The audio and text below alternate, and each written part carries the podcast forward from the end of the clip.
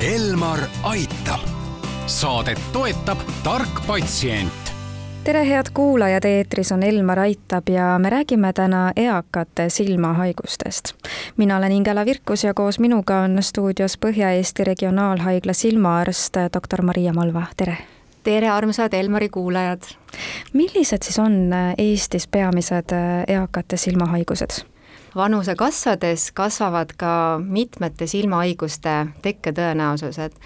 et üks äh, sage äh, vanemas eas esinev silmahaigus on glaukoom, mis siis tekib äh, kõrgenenud silmarõhu tõttu ja glaukoom siis võib kahjustada meie nägemisnärvi ja mõjutada meie nägemiskvaliteeti.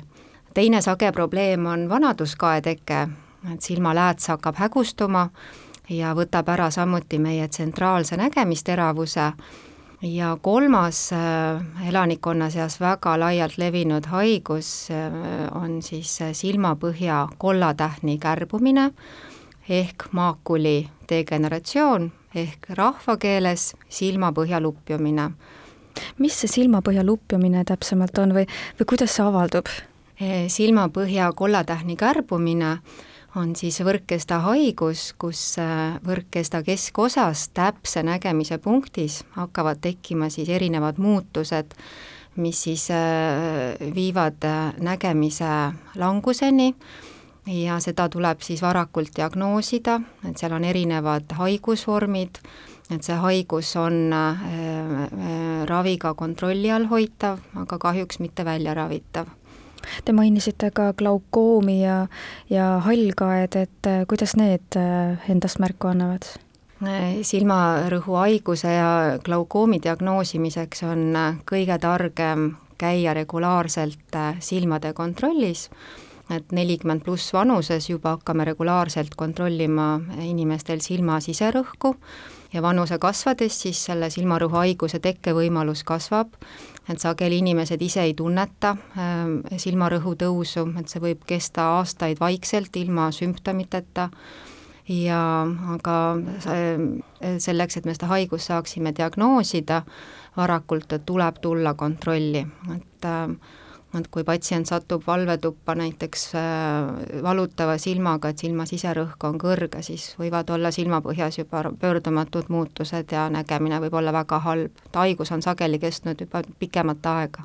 Te mainisite ka, et on haigusi, mille puhul algul isegi sümptome ei pruugi olla, et et kui tahakski lihtsalt äh, siis äh, eakana minna nägemiskontrolli, et lihtsalt vaadatagi üle, et kas seal on mingisuguseid algeid nendele võimalikele haigustele, et kas siis piisab näiteks, kui minna perearstile või optometristile või kelle juurde minna, et te mainisite ka silmaarst, et see on see põhiline juba, kui juba häda käes on, on ju, aga et kui lihtsalt kontrolli minna et äh, ikka tavaline silmakontroll ei, ei, võib pöörduda ka optometristi vastuvõtule, kõikides äh, suuremates keskustes ja prillipoodides ja ka silmakliinikutes töötavad äh, silmaarstide head abilised optometristid, kes teevad sellised üldised silmauuringud, et kontrollivad nägemist ja vaatavad silma eesmised osad üle, mõõdavad kindlasti ka silmarõhku, et, et väga palju probleemsete silmadega patsiente jõuab meile just tänu optometristidele, turistidele ja vanuse kasvades,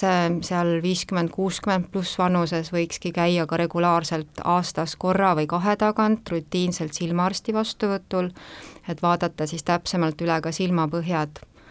ja kui on ka teada, et patsiendil on ka muud üldhaigused, et vererõhuhaigus, suhkruhaigused, millega võivad kaasneda ka sagedamini silmapõhja muutused, siis on ülioluline samuti käia regulaarselt silmaarsti vastuvõtul kuidas täpsemalt neid silmapõhjasid vaadatakse või silmarõhku mõõdetakse, et see kõlab natukene võib-olla hirmutavalt?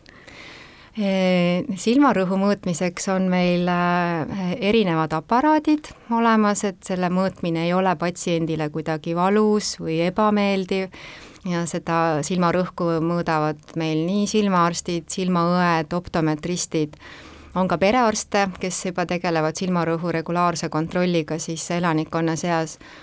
Ja silmapõhjavaatluseks on meil samuti erinevad võimalused, et silm on väga väike organ, aga iga selle silmastruktuuri vaatluseks on olemas siis spetsiaalsed aparaadid mis meid aitavad siis täiendavalt siis silmahaigusi diagnoosida, et põhiliselt on see erinev piltdiagnostika, mis ei ole samuti patsiendile kuidagi ebameeldiv või valus, et vahel on vaja panna patsiendile silmadesse pupille laiendavad silmatilgad, et näha seda silmapõhja paremini, aga üldiselt silmaarsti juures ei ole patsientidel väga ebameeldiv käia.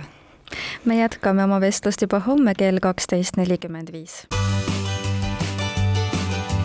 Elmar aitab. saadet toetab tark patsient